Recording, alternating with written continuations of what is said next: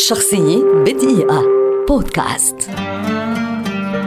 آدم ماكي مخرج وكاتب سيناريو أمريكي شهير ولد عام 1968 ويعد واحدا من أبرز صناع الأفلام اليوم على مستوى العالم.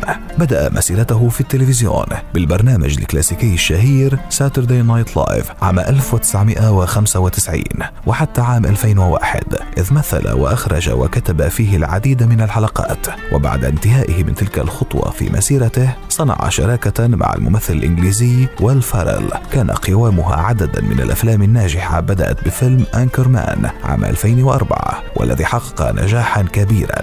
دفعهما لاستمرار التعاون في فيلم Step Brothers عام 2008 ثم فيلم The Other Guys عام 2010 عام 2015 أخرج ماكي فيلم The Big Short الذي يتناول أزمة الرهن العقاري التي حدثت في أمريكا عام 2008 والتي أصبحت واحدة من أكبر الأزمات الاقتصادية العالمية في التاريخ. وقد حقق الفيلم نجاحا مذهلا. ويعد أفضل فيلم تناول هذا الموضوع على الإطلاق. وأخرج في عام 2018 فيلم Vice الذي يجسد سيرة حياة ديك تشيني نائب الرئيس الأمريكي جورج دبليو بوش. وحقق الفيلم نجاحا كبيرا أيضا. اشتهر ماكي بالكوميديا بشكل عام والكوميديا السوداء بشكل خاص إذ يتناول عدد من أفلامه أحداثا وقضايا مأساوية بأسلوب كوميدي ساخر محكم كما في فيلم Don't Look Up الذي يعرض حاليا على نتفليكس من بطولة نخبة من الممثلين والذي كان من أكثر الأفلام المرتقبة لعام 2021